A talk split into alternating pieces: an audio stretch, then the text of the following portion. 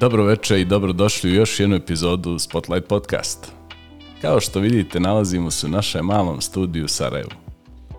Naša večerašnja gošća je mlada europska ambasadorka i studentica magistarskih studija međunarodnih odnosa i diplomatije na Državnom univerzitetu u Sarajevu.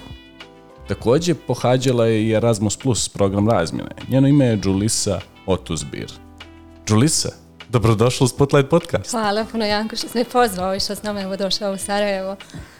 Hvala ti lijepo. Možeš li da mi kažeš negdje gdje je za sve za tebe sve to počelo i kada da kažem možemo negdje se vratimo od neke srednje škole i te tog studentskog i, i aktivizma jako um, jako rano sam počela generalno da se bavim aktivizmom uh, od 12. godine koliko se mm -hmm sjećam da to ide unazad. Mm -hmm. A, međutim, sjećam se kad sam bila negdje u osnovnoj školi, možda sedmi razred ili tako nešto, mm -hmm. i kada smo razmišljali o tome, imali smo a, možda neku pismenu zadaću na temu šta bismo voljeli da budemo u budućnosti. Mm, to su uvijek zanimljive pitanje. I, a, ali ja se sjećam da sam pisala o tome da želim da postanem novinarka. Aha to mi je nešto tad bilo zanimljivo. Ja sam od uvijek voljela da pišem i dan danas volim da pišem.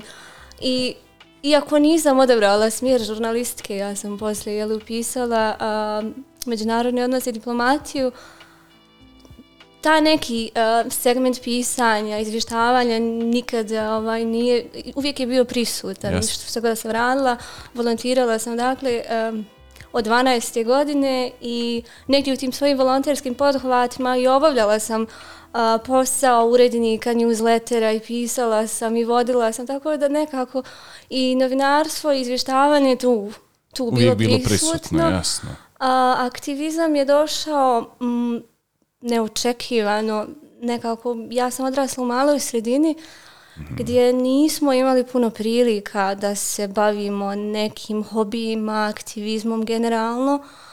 I slučajno je došao kroz jednu organizaciju koja se zove Fondacija Hastor mm -hmm. i koja djeluje danas na području Bosne i Hercegovine. Mm -hmm. Oni se bave um, podrškom uh, studentima i učenicima jel, u njihovom školovanju. Uh, a, uglavnom kroz stipendije i dakle kroz dalje treninge i edukaciju tih mladih ljudi. I oni su nenadan došli jednog dana u moju školu, ja sam bila, jel, imala sam 12 godina i tada sam počela, jel, a, postala sam dio organizacije i onda poslije sam počela da volontiram za njih i bila sam a, u njihovom timu sam bila 15 ili 16 godina, nisam se jako dugo. Jako Vratit ću te na taj dio, jer mi je kroz tvoj CV e, volontarizam jako zanimljiv i izuzetno mhm. -huh. zastupljen, tako da to će bude jedan, jedno posebno poglavlje u ovom da, razgovoru. Da. E, sad za sad mi reci, e, ti si upisala Državni univerzitet u Sarajevu, tako. kao što smo rekli, mhm. -huh. i kako je konkretno pala odluka na međunarodne odnose i diplomatiju? E, znamo da je jeli, diplomatija u bivšoj Jugoslaviji bila onako jedna možda od četiri najjače uh -huh, u svijetu i Tako. dan danas se na najjačim diplomatskim školama izučava ta jugoslavenska uh -huh. diplomatija. Možeš mi reći kako baš kod tebe? Pratila sam uvijek aktualne dešavanja i između ostalo kad sam zašavala srednju školu, mamio me taj smjer, zašto je bio novi smjer na fakultetu hmm. političkih nauka i jedan smjer, uh, nešto sasvim novo što su oni ponudili studentima i ponudili su im Uh, dvostruke diplome, smjer je bio, uh, dakle, u, m, predmeti su bili na engleskom i na bosanskom jeziku, dakle, dvojezični program mm. i mene je to zaintegriralo zato što nikad nisam um, ni studirala na drugom jeziku i to se nije nudilo na toliko na državnim fakultetima. S druge strane, taj aspekt međunarodne odnose diplomatije bio mi je jako zanimljiv upravo zato što sam imala, možda naivno, tad imala želju da učestvujem u, da poboljš, u procesu poboljšavanja, poboljšanja slika, slike Bosne i Hercegovine u svijetu, jer nažalost mi smo danas poznati naši po ratu i nekim negativnim stvarima. Ja sam tad a, očekivala da ću ja već do sada, evo do svoje 27. godine, biti neko ko će promijeniti tu sliku. Naravno, ja sam shvatila da je to ogroman jedan proces i podhvat s vremenom, ali, ali tad smo sanjali velike snove. Tako je. I ne kažem, ja, ja se danas ne bavim profesionalno tim poslom, ne radim u institucijama, ali sam shvatila da ima puno, dosta drugih načina na kojima, jel, na kojima možemo da predstavimo svoju državu u najboljem svjetlu. Svakako. E, možda mi kažeš, ti si, e, kada se za tebe desio Erasmus, da li se on mhm. desio e, tokom osnovnih ili u momentu kad si prešla na master studij i hmm. negdje mi malo da polako uvedemo taj razmus i da polako počnemo malo pravimo paralelu šta ti on konkretno donio i šta si ti e, e, sa tim prosvjetljenjem vratila u federaciju kad si došla? E, dakle, ja sam se na Rasmus prijavila kad sam bila na mastersu, mislim, na, prešla na drugi ciklus i to je da nadano nekako došlo jer nisam planirala da se prijavim na Erasmus. Desilo se da je moj drug se prijavio na Erasmus u, u Poljsku. I onda smo neko sam ja nekako što ne bih ja I onda sam pogledala tako konkurse koji su tad bili otvoreni, nije bilo puno izbora, bi nudila se tad Poljska i Portugal.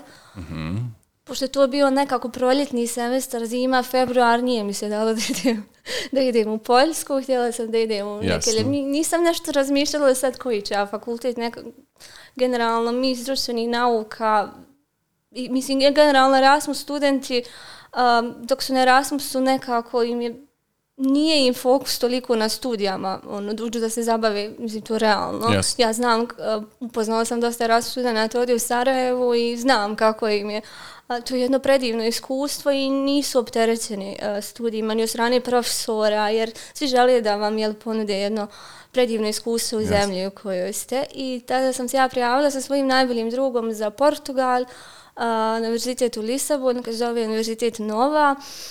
I bili smo primljeni oboje, što je mhm. bilo jako začuđujuće da smo oboje bili primljeni tada, a mislim da su primali osam studenta iz Bosne i Hercegovine sa četiri različita univerziteta. Uh-huh.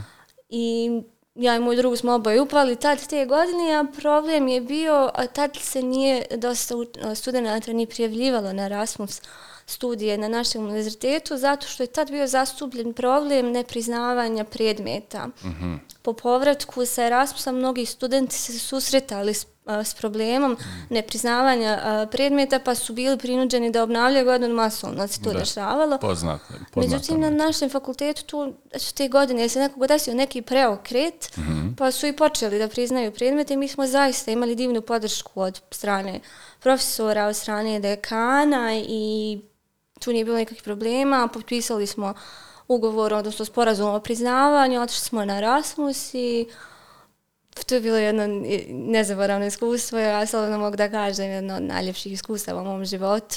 Pričaj mi malo o Lisabonu, jeli Portugalcima, tim mirnim ljudima koji žive jedan jako fini život i ovaj napravi nam tu jednu paralelu sa jeli, tvojim uh iskustvom života u Sarajevu i ovaj također o programu i o školi.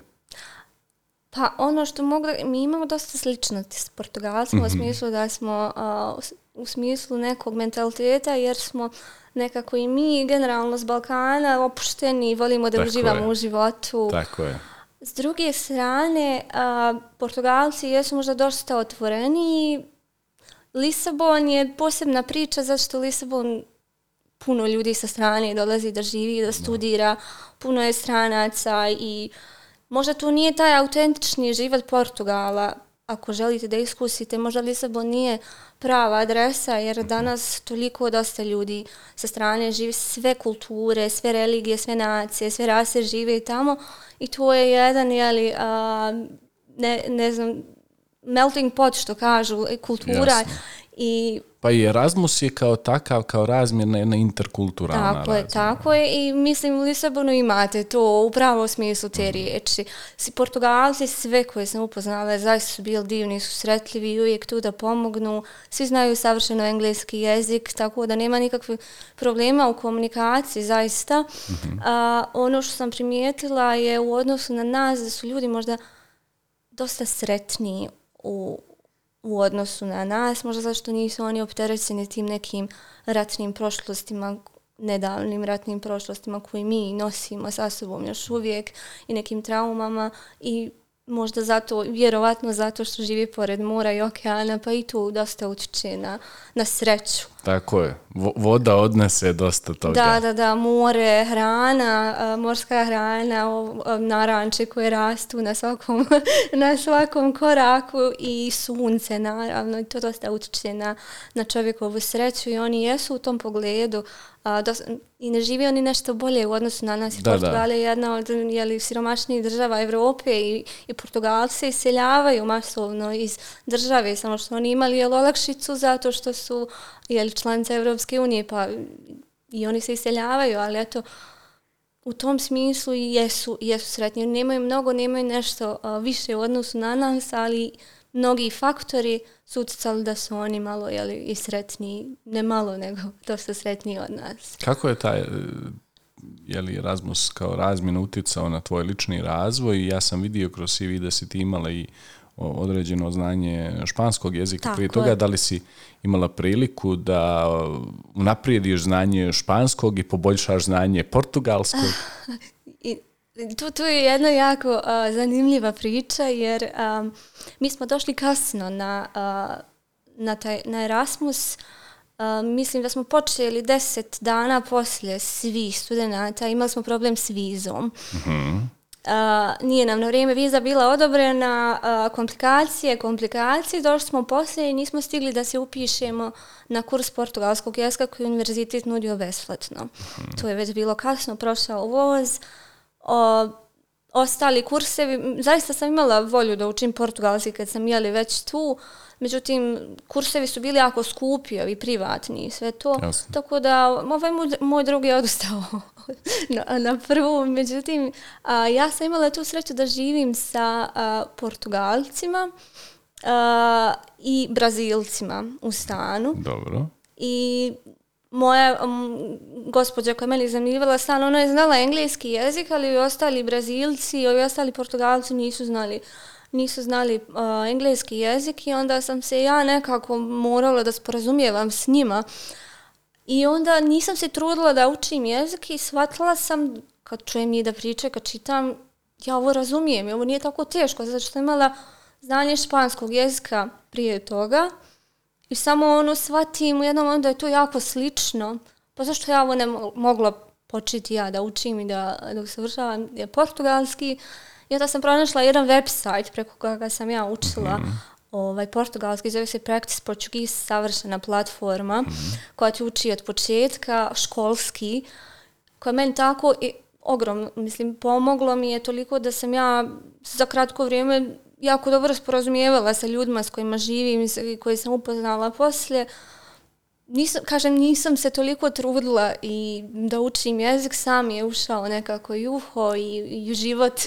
Samo zato što si bila dio jeli, tih okolnosti da ga Tako je, i, i, jeli, i okruženje i ljudi koji su tu ovaj, bili oko mene, jako intenzivno sam se družila s tim, uh, s tim ljudima koji su bili tu i postali su mi jedna portugalska, jedna mala portugalska porodica i sad sam nedavno ponovo bila u Portugalu prije par mjeseci, prvi mhm. put nakon mog Erasmusa mm -hmm.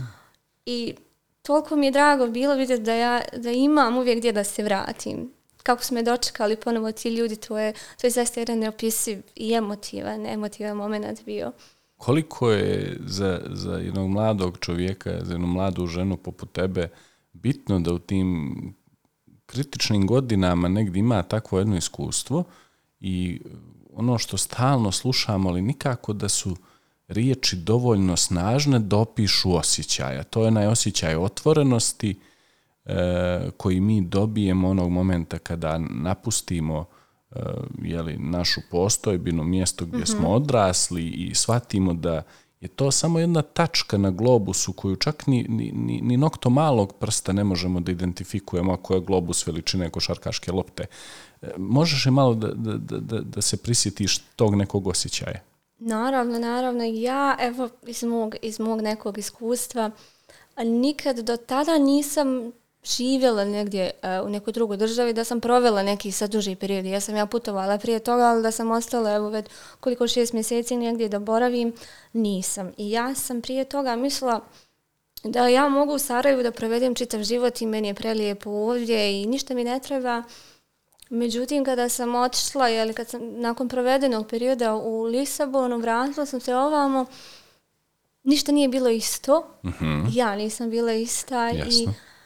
susrela sam se s tim periodom o kome ne, ne pričaju, a, ne priča se puno, a svi Erasmus studenti to, to prožive nakon, nakon završenog Erasmusa, to je post Erasmus depresija. Da.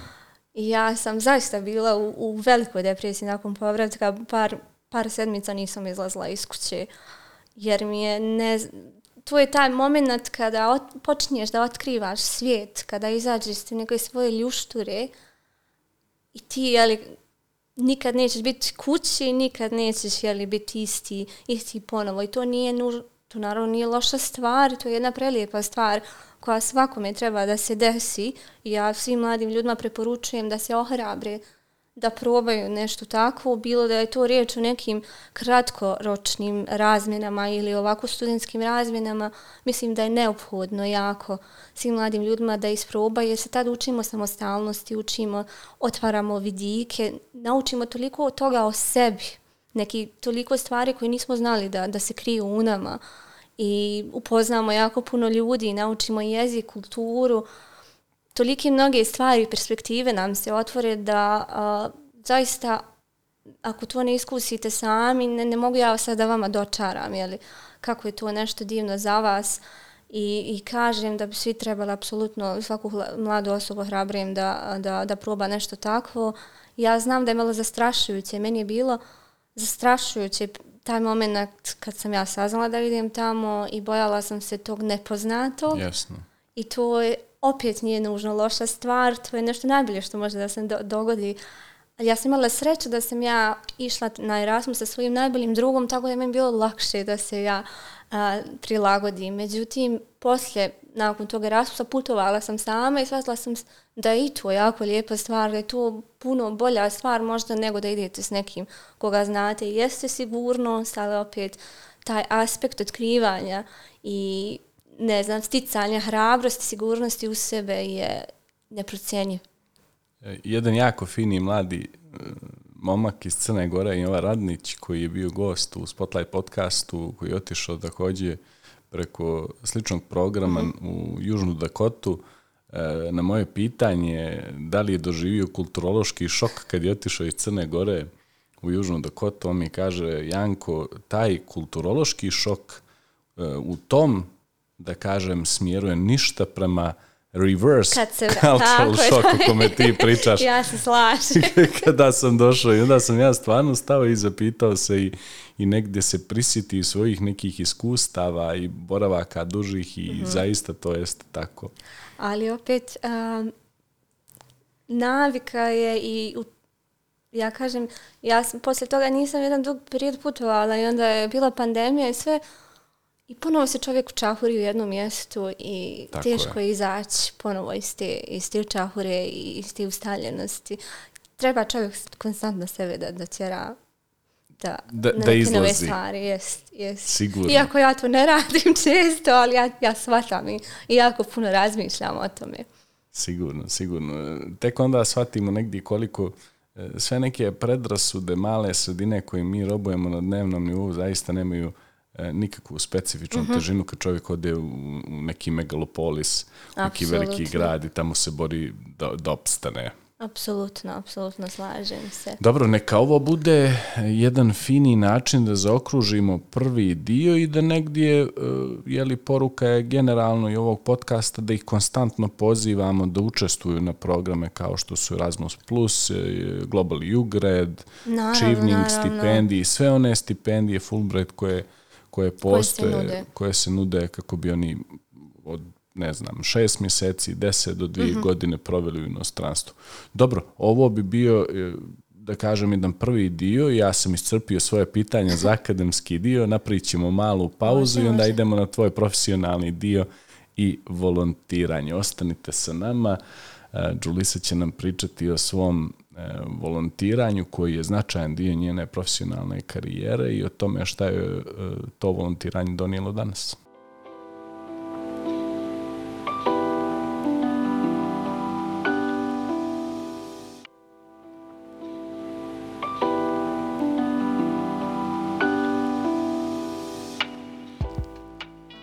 Evo nas, nakon kratke pauze sa nama...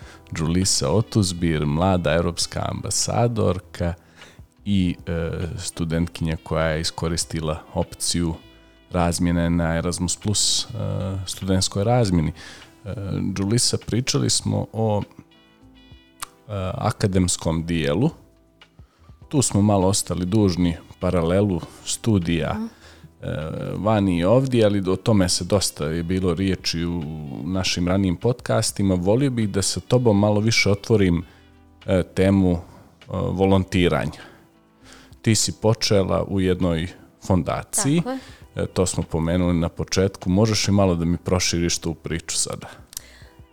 Pa kažem, ovaj, govorila sam ti a, ranije, ja sam počela nekog 12 godina se uključila u rad fondacije Hastor i tu sam jel provela 15, dobrih 15 godina zaista i ja nekako volim da kažem da a, teško mi je da govorim nekog svom profesionalnom iskustvu jer ja uvijek nekako volim da kažem kako ja radim od svoje 12. godine zaista a, to volontersko iskustvo meni jako mnogo znači. Ja sam zaista puno radila kroz a, svo to volontersko iskustvo. Ja nekako ne mogu sve to da sažmem ponekad kad i apliciram i za poslove. Teško mi je da da, da, da svo to iskustvo sažmem u par rečenica. Tako je, na dva papira, četiri formata, PDF. Jako, jako teško, i, ali eto, ovaj, radila sam, e, kad sam bila nekad u osnovnoj školi, pohazala sam radionice sa, da sam bila dio program, mentorship programa fondacije Hastor, gdje sam ja pohađala radionice koji su vodili studenti stipendisti fondacije, oni su mm -hmm. radili s nama. Uh, urađivali smo razne teme koliko se ja sjećam i onda poslije kada sam ja postala student, uh, došla sam ovdje u Sarajevo i tu je njihovo sjedište u Sarajevu također i, i često sam išla u, u, u kancelarije fondacije da volontiram, radila sam u administraciji, uh, također sam isto radila uh, sa učenicima na terenu, bila sam uh, isto dio mentorship programa, ali sad sam ja bila u poziciji mentora. Uh mhm. -huh. A, i on... Kako je to jedno iskustvo kada si u poziciji mentora, a nekad si bila učesnik? Jako zanimljivo, jako zanimljivo. Kada sam bila učesnik, odnosno učenik, imala sam mentora, nisam, nisam nekako im znala kako im je, nisam vjerovala o taj neki pritisak koji su oni osjećali u tom momentu i naravno čovjek nikad jeli, ne može da, da vjeruje nekom drugom čovjeku osim kad, ako nije u njegovoj poziciji ovaj, 100% i onda ja kada sam postala mentor jeste pritisak jer u nekom smislu ta djeca očekuju od vas da, mnogo i odgovornost za djecu.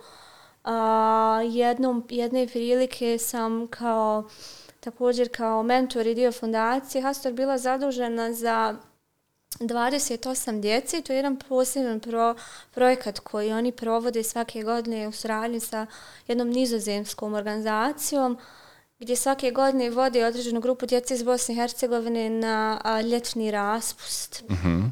I ta djeca putuju samo bez roditelja, odnosno a, bez neke pratnje. Tu su samo dvije volonterke, tu sam jedne godine ja bila gdje sam putovala sa djecom koja su a, jako mlada, 10-12 godina, ja se brinula grupi djece koja su tako mlada u nekoj drugoj državi, bez roditelja, bez, a, bez a, podrške. I tad sam ja i ova moja drugarica koja je bila sa mnom, mi smo tad toj djeci bile sve ogromna odgovornost zato što se brinjete o 20, 28 mladih života, putujete autobusom, a, bilo šta da se desi, vaša odgovornost, a, ogroman, ogroman pritisak. Ja sam puno razmišljala o tome kad su me pitali da li želim da te godine ja predvodim djecu, a moja je li jedna od mojih a, također zadataka je bio da ja budem kao posrednik komunikacije između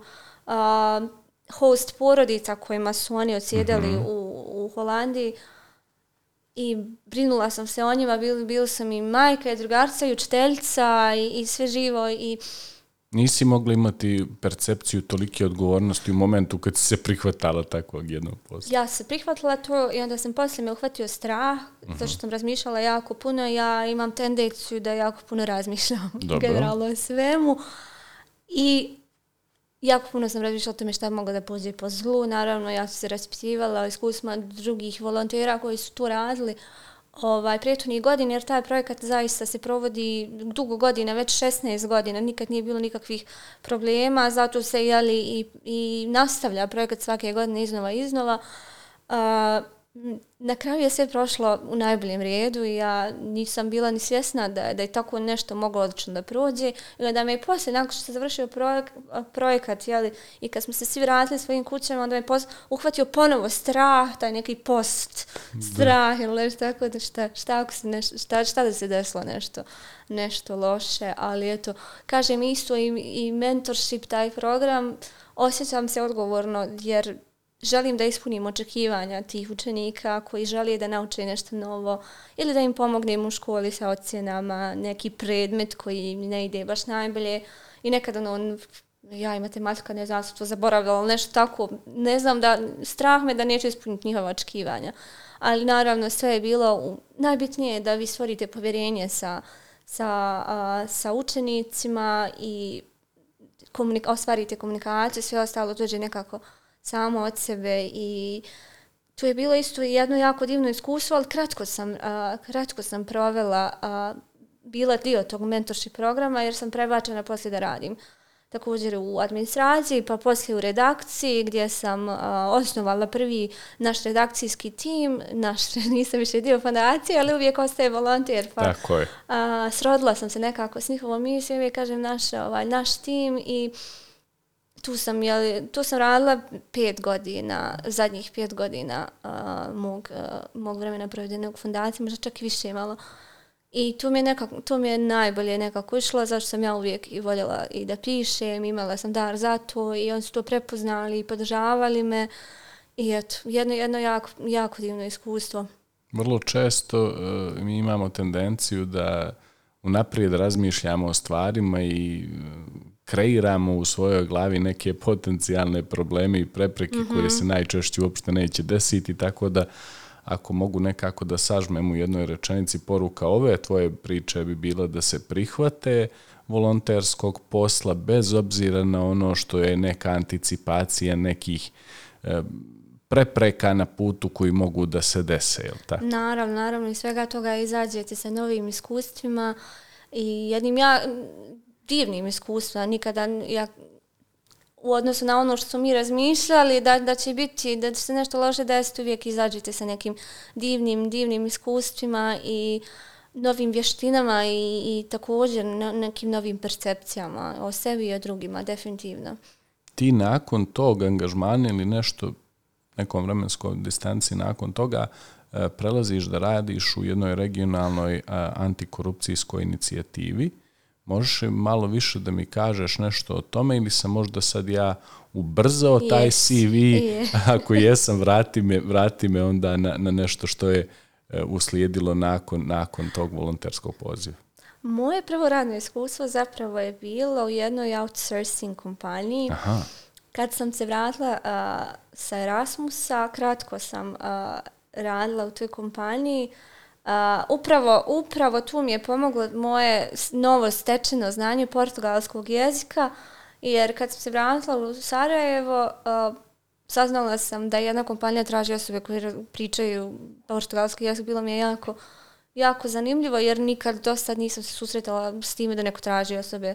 I to je bio jedan projekat uh, podrške, uh, jedan projekat za portugalsku kompaniju gdje sam ja radila jedno vrijeme, uh, Uh, to je trajalo neki devet mjeseci, ali uh, super jedno iskustvo gdje sam dodatno razvila, razvila poznavanje jezika. Onda nakon toga sam um, se pridružila kompaniji PwC koja se bavi računovodstvom i financijama. Da, ja, jedna je globalna, globalna kompanija.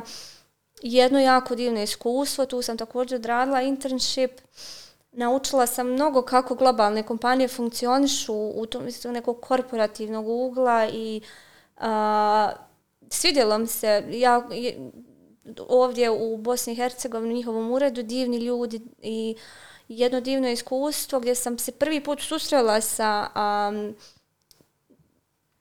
financijama, Da, revizorskim izvještajima. Da, to mene nikad nije ni zanimalo, iskreno, ja sam nekako društvenjak. Jasno. A, naučila sam dosta toga, ali sam shvatila da to nije moj karijerni da. cilj i žao mi je bilo što sam a, nekako morala da odem, a, ali vidjela sam poslije priliku bolju u regionalnu korupcijsku inicijativu kad se a, pojavila prilika da tamo nastavim internship, zašto se to više islaže sa mojim interesovanjima, karijernim očekivanja, obrazovanjem i, i tako dalje i tako dalje. Tu bih te malo zadržao. Možeš da mi kažeš nešto više o regionalnoj antikorupcijskoj inicijativi, uh -huh. koliko si tu vremena provela, šta su neki ključni ciljevi, vizije, misije, uh -huh. daj nam malo tog utiska. Pa regionalna antikorupcijska inicijativa jeste vladna, međuvladina organizacija koja um, ima sedam ili devet država članica, nemojte mm -hmm. me sad ovaj Dobro, nije fact checking. Uh, I dakle rade na problema suzbijanja i ispričavanja korupcije. Uh, imaju nekoliko projekata na kojima rade. To je sve um, nekako više vezano za osnaživanje institucija Dobro. i institucija, institucionalnih kapaciteta uh -huh. uh, kako bi oni bili ali, uh, u mogućnosti da se samostalno uh, bore u, u, u protiv korupcije i ispričavanju i mehanizmima uh, ojačavanje tih mehanizama. Također rade sa mladim ljudima i ja sam se prvi put susrela sa RAJEM, to je skraćenica za mhm. regionalnu korupcijsku inicijativu.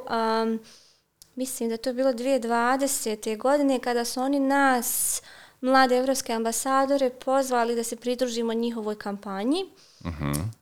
uh, koja se zvala uh, Whistle for the End. To je bila kampanja uh jedna ulična kampanja gdje smo mi uh, također pružili svoj doprinos i tad sam se ja, ljudi koji rade tamo uh, iznimno smo se svidjeli ogromni profesionalci i ljudi koji vole, vole to što rade ima, i znaju uh, da imaju da ono što rade ima ima neki utjecaj na, na društvo i tada sam dobila uh, izvinjavam se, tada sam dobila želju da postanem dio tima i je li godinu poslije uh, mi se pružila uh, prilika jel, da se prijavim na internship program i, i bila, sam, bila sam primljena. Uh, kažem, oni najviše rade sa uh, institucijama, sa pravosudnim uh, institucijama i radim razne edukacije, jako puno evenata organizuju u toku godine, uh, edukacija, masterclassova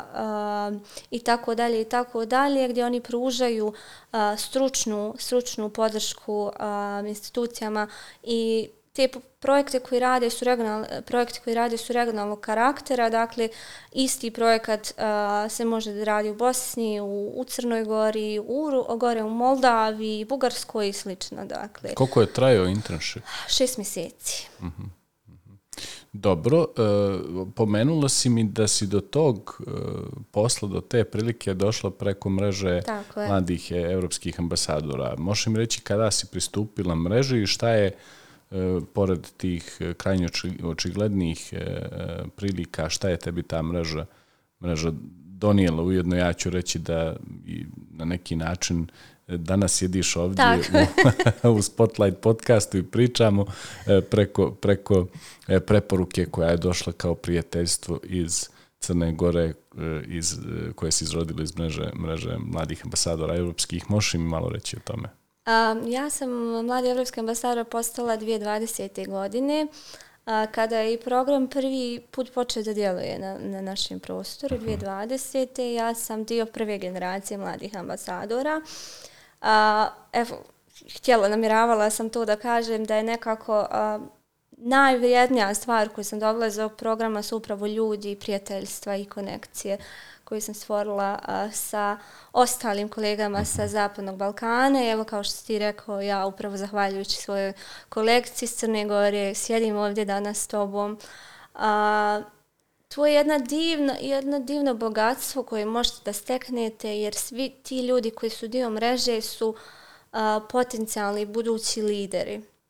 Oni već rade, mi već radimo dosta toga u svojim zajednicama gdje rušimo barijere i stvaramo napredak koji je, može da bude jako vidljiv ili manje vidljiv, dakle, svi radimo neki, na svo, sebi svoj sve način da stvorimo te neke pozitivne promjene ili da potaknemo. Na, I možda za nekih deset godina mi bud, budemo, jeli sutra budemo vodili ovu državu i imat ćemo kontakte i mrežu uh, poznanstava. Svakako gdje možemo onda lakše komunicirati jedni drugima i jer se poznajemo i znamo kako su, kako su kolege, kako smo kolege bile u tog pro, programa. Zaista jako puno potencijala. Dakle, ljudi su prvi, uh, moje jeli, najveće bogatstvo koje sam stekla tokom programa, ali također i, i znanje i vještine i iskustva koje sam stekla tokom ove tri godine ili uh, eh, dvije i pol koliko sam, koliko sam dio programa. Tu nikad eh, uh, jel, ne treba pocenjivati jer sam se ja upravo iz uh, želje za dodatnom edukacijom, treningom i znanjem prijavila na ovaj program. Meni je... Uh, Šta podrazumijeva učešće u programu i taj godišnji ciklus uh, E, reci nam koje su neke najznačajnije konferencije i meetupovi koje si, koje si, ovaj, kojima si pristupila? Pa evo, um, prva godina nam je bila izazovna uh, u programu upravo zbog pandemije gdje nismo imali apsolutno prilike da se susretnemo i dosta toga, ne dosta toga, već sve smo radili online i sve konferencije i događaje koje smo mi organizovali bili su online. Uh, A, međutim, nakon, nakon a, što, kad su se stvorile mogućnosti da se mi ovaj, a, sretnemo uživo, moj prvi a, live jeli, a, meetup bio je u Albaniji tokom cleanup beach cleanup akcije a, mm -hmm. povodom jeli, svjetskog dana čišćenja. A, nakon toga sam učestvovala a, pomoću mreže, jeli, kao ja, učestvovala sam na European Youth eventu, Evropskom mladinskom eventu u Strasburu. To je bilo odmah mjesec nakon Albanije. Možeš li se malo prisjetiti tog iskustva za nas, Strasbur? Naravno, naravno, jer mi smo tad imali smo, dobili smo prostor čak da predstavimo šta mi radimo. Evropski mladinski event, to je ogroman, jedan event koji na kojem go, godišnje učestvuje 7 do 10 hiljada ljudi, zaista, zaista jedan ogroman event. Uh, i sa jako puno tema i svako može da pronađe uh, ono što se njemu sviđa, mm -hmm. da, da sasluša. Tu su bile jako veliki broj radionica, diskusija, panela, gdje tražilo se mjesto više, zaista jako puno učesnika i mi smo tu dobili priliku da održimo svoj, svoj panel, svoju radioncu i da predstavimo ono što, što mreža mladi Evropske ambasade rade. Jedna uh, jako dobra prilika jer smo željeli time da pokažemo našim a, vršnjacima iz Evropske unije da, a, da približimo nekako te dvije a, stvarnosti. Mm. Evropska unija i Zapadni Balkan, da mi jesmo možda u predgrađu Evrope, ali smo mi tu isti, imamo isto interesovanja, nismo ništa manje uspješni čak Ovaj, željeli smo da pokažemo jeli, uh, Zapadni Balkan kao jednu uh, regiju koja je obiluje uh, izvrsnim mladim ljudima i potencijalom.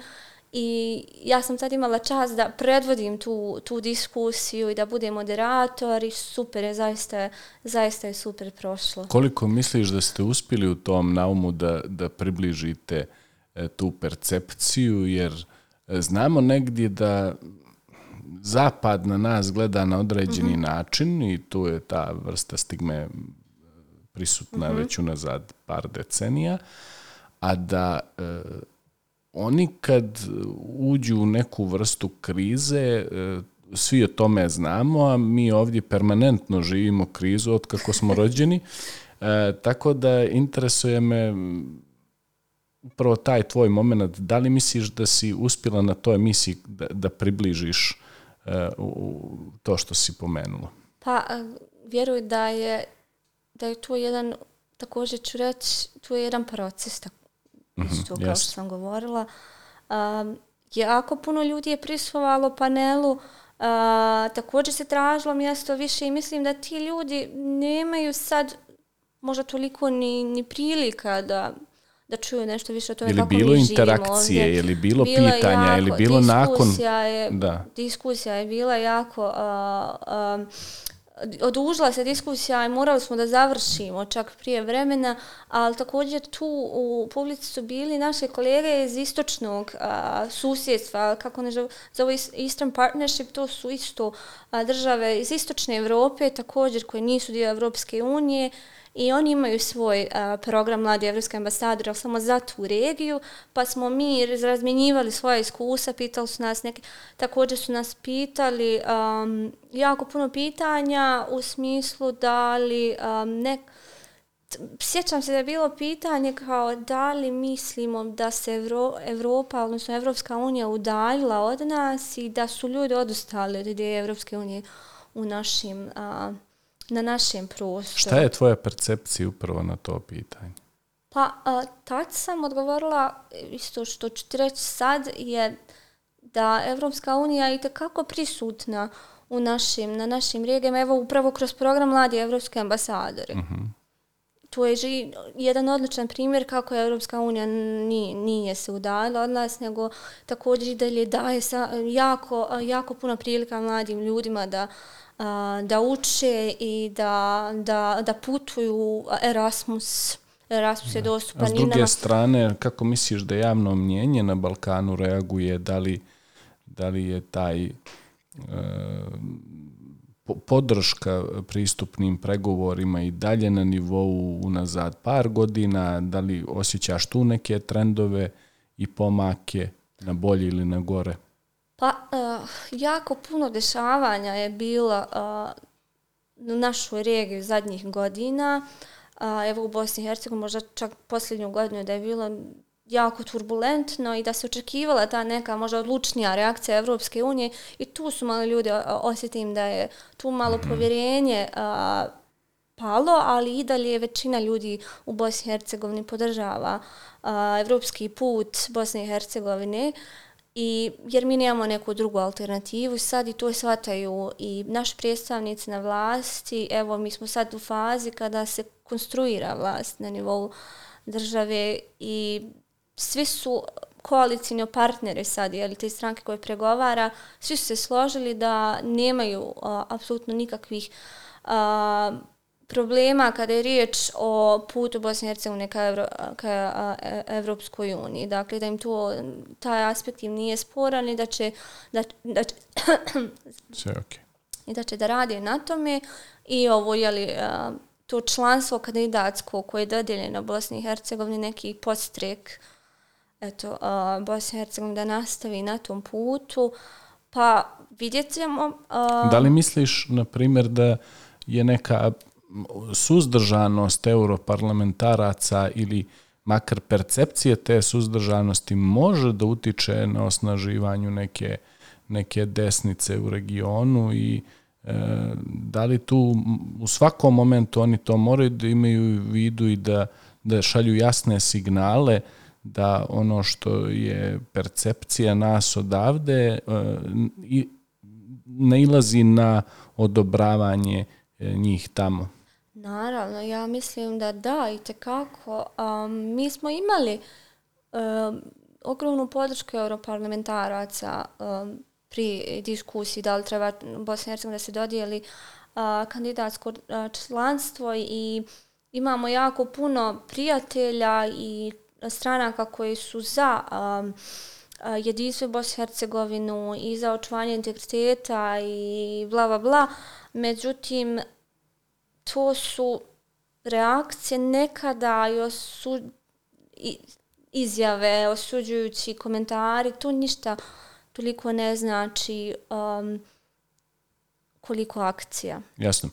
Dobro, uh, sad bih se malo prebacio na još jednu inicijativu uh, koja je jasno naznačena u tvojom CV-u, a to je uh, ti si no hate ambasador pri Savjetu Evrope. Možeš li da mi kažeš nešto više o toj inicijativi, kako si došla e, u priliku da radiš sa Savjetom Evrope i malo nam nešto više reci o tome. Naravno.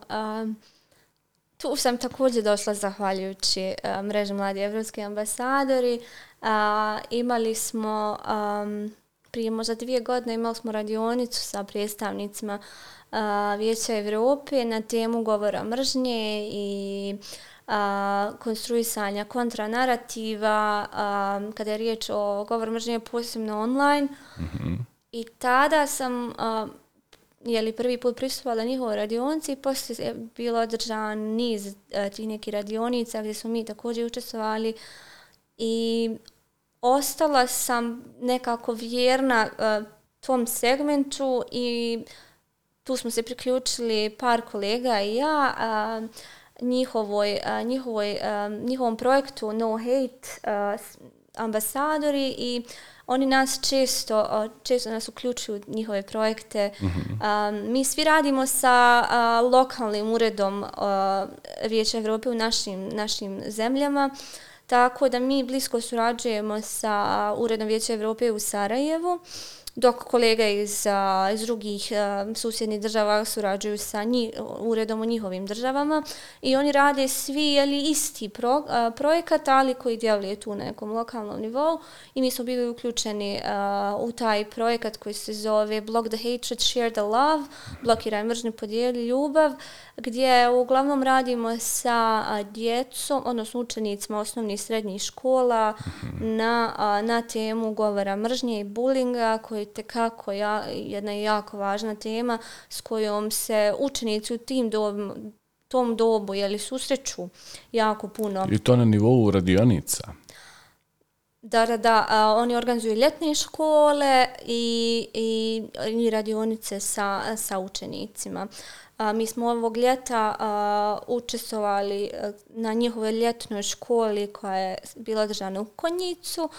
Također oni obilježavaju važne datume um, uh, u toku godine kada nas pozovu također da se pridružimo njihovoj misiji ili kad je bilo, bilo što se dešava uh, na temu uh, govora mržnje ili pra, prava manjina, da li je da neki, neka radionica, da li je projekat, da li je obilježavanje dana nečega, da li je možda predstavljanje neke inicijative vlade, uvijek nas pozovu, zaista imamo, imamo divnu suradnju i zahvaljujem se, stvarno divni, divni su ljudi i meni, meni to jako puno znači zato što sam uh, jako uh, ne znam, jako me pogađa tema uh, upravo problematika govora mržnje i bulinga, posebno na društvenim mrežama koje svakodnevno uh, suzrećemo, jeli, uh, i onda sam se rado priključila tu inicijativi i poslije mi je tu, tu iskustvo pomoglo da, da dobijem taj kratkotrajni angažman u SC-u, odnosno u odviru na... Upravo je to moje sljedeće pitanje. Ovaj, e, ti si, vidio sam kroz tvoj CV da si, da si pri kancelariji OEPS-a i odira e, pratila, pratila odrađene uh -huh. političke dešavanja ovdje, vjerovatno izbore. Možeš mi konkretno reći šta, šta, je, ovaj, e, šta je tu bio tvoj angažman? Uh, moj angažman bio je da nadgledam društvene mreže, odnosno kampanju na kampanje na društvenim mrežama. A, političke kampanje tako na društvenim Tako je, tako Aha. je. I s posebnim fokusom na govor mržnje. Upravo, taj angažman sam dobila upravo zato što su a, u mom CV vidjeli da sam a, no hate ambasador pri Vijeću Evrope mm. i dobila sam taj angažman, a, taj kratkotrajni angažman tokom izbora i također sam izvještavala o svim a, svim događajima na društvenim mrežama, e, ponašanju aktera na, na društvenim mrežama, sva zapažanja sam pisala onda u jedan izvještaj koji sam ja sedmično slala, koji su svi jako voljeli i to je, to, to je izgledalo kao da svi su jedva čekali, ja sam na sedmičnom nivou slala taj izvještaj i svi su jedva čekali taj izvještaj kao da, da ja o, pišem neki magazin. Evo nas, nakon kratke druge pauze zbog tehničkih momenata koje imamo. U obavezi smo da odradimo dvije pauze. Ja sam zbog toga Đulisu prekinuo u pola rečenice. Možeš li molim te da mi nastaviš vezano za ove e, izvještaje koje si morala da pišeš? Tako je. A, baš sam govorila o tome kako su... A, svi u, u timu uh, rado iščekivali taj moj zajednični izvještaj mm -hmm.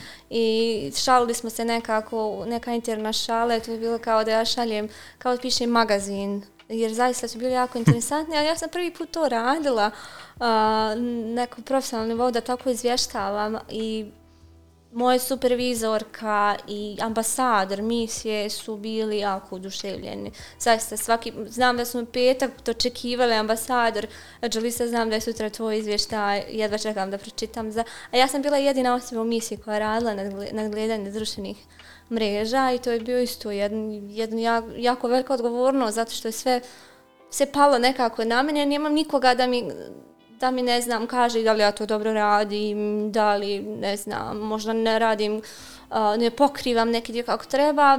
Upravo dobila sam takvo povjerenje od, od, od moje supervizorke i, i samog ambasadora da, da radim da radim taj zadatak i jako su bili sretni. Šta se generalno, ako se možeš mhm. prisjetiti uh -huh. za nas, uh, da li, se, da li se političke partije pridržavaju prave obaveza koje su uzeli mhm. vezano za taj jako osjetljiv segment uh, mladih i, da li se pridržavaju prilikom plasiranja svojih svojih kampanja na društvenim mhm. -huh. mrežama. Znaš šta sam ja primijetila? Šta je stvar sa, sa političkim akterima i partijama tu predzborne kampanje uh -huh. na društvenim mrežama? To je isto isto sa nama, jel, uh, običnim ljudima koji imaju profile na društvenim mrežama, pa pokušavaju sve svoje živote da predstavljaju na najljepšem svijetu. Dobro. Uvijek objavljujemo ono, nikad nećemo da objavimo nešto, jel, ružno, uvijek objavljujemo uh, da ljudi vide uh, uh, naš, naš prijatelj na društvenim mrežama da kako, kako mi uživamo u životu ili kako smo nešto lijepo. Tako je društvene, uh, odnosno političke partije, kandidati u tom periodu uh, predstavljaju sebe u najljepšem svjetlu. Da, to mi Jer nekako... to je naravno i, i logično uh, kako Izgleda mi kao promoši. LinkedIn kampanja. Na LinkedInu su svi biznismeni, svi su sve, uključeni. Sve je divno, sve je krasno, uh, šta su radili, uh, svi, svi su tako predivni. Ultra uspješni. I nisam Dobre. imala toliko uh, puno posla zato što zaista su pridržavali tih nekih Za pravila koje je centralna izborna komisija uh, postavili jer ali znaju da je li da da će to da će da, da im donese neki negativni publicitet naravno bili su jako pametni ili ako ako se ide u neki malo ovaj uh, neki ružni scenarijo, neki ružni post ili nešto ide ka možda kao govor mržnje, uvijek dobro to izbalansiraju mm. da se ne može da uhvati na tome i mislim nešto naj, najjače je bilo što sam ja pratila i, i njihove um, video, video ovaj, promotivne video koji bilo je svega zaista. To, ti ljudi, možda pojedini kandidati bi mogli da prijeđu da se bave filmskom umjetnošću. Zanimljivo. Dobro, e, i ovim smo iscrpili da kažem ono što sam želio u ovom profesionalnom drugom dijelu uh -huh. koji se prelio na treći dio zbog činjenice da smo se ja i ti jako, jako lijepo zapričali. E, za kraj, sama si upoznata sa formom Spotlight podcasta, otprilike imam još dva pitanja. Prvi bi bio neki tvoji planovi za budućnost koje sami sagovornici mogu da odaberu da li će da podijele ili ne sa, sa širim e, javnim auditorijumom, a ono što mi je mnogo važnije od toga je tvoja neka poruka mladim mhm. ljudima, uh -huh. toj mladoj Đulisi od unazad 6-7 godina kad je razmišljala da sve, jeli, kad je razmišljala se uključi u sve te mhm. tokove, uh -huh. imajući tada neku perspektivu tih dilema koje su bile u tvojoj glavi, šta bi ti njoj danas rekla, time komunicirajući upravo svim mladim ljudima u BiH koji nas danas gledaju? Pa evo, mo, krenulo mojih planova za budućnost. Ja ne volim da planiram nešto svoje budućnost, Dobro. zašto se uvijek sve, sve krene u nekom totalno drugom smjeru, ali ja želim da nastavim u ovom smjeru i možda da radim neke veće stvari, jer e, želim da ostavim neki trag iza sebe sad. E, I tako da vjerujem ako budem slijedila ovaj put da uh, da a, neću, neću da zalutam i da, a, i da samo mogu da, da radim još, još veće i ljepše stvari. Nadam se da će tako da ostane. Ja se uistinu a, šta da, moja poruka mladim ljudima i mladoj sebi jeste da iskoriste naravno sve prilike koje im se nude. Danas, danas ima jako puno prilika za mlade ljude, čak i kod nas. Mm-hmm. Tako da treba da iskoriste svaku priliku, posebno ove međunarodne razmjene gdje su, imaju stipendije i i to im se nudi i samo trebaju da, da, da naravno to iskoriste jer će da dožive tako lijepa iskustva i samo mogu da idu naprijed i da steknu nova poznanstva i da se usavršavaju i da se ne boje toga. Apsolutno nema, a, nema razloga da se boje novih iskustava koja im se nude i samo, jer samo mogu da im donesu lijepe stvari. Đulisa, puno ti hvala na ovom gostovanju. Nema na čemu hvala tebi što si me pozvao, bilo mi je zadovoljstvo. I meni i na svim ovim porukama mladim ljudima i nadam se da ćemo se u nekim okolnostima ponovo vidjeti možda i u Crnoj Gori sa nekim Naravno. od mora aktivnosti u kojima se ti uključu. Naravno, ja bi to jako voljela. Eto, vjerujem da ćemo se, da ćemo se vidjeti ponovo. Hvala ti još jednom. Hvala tebi.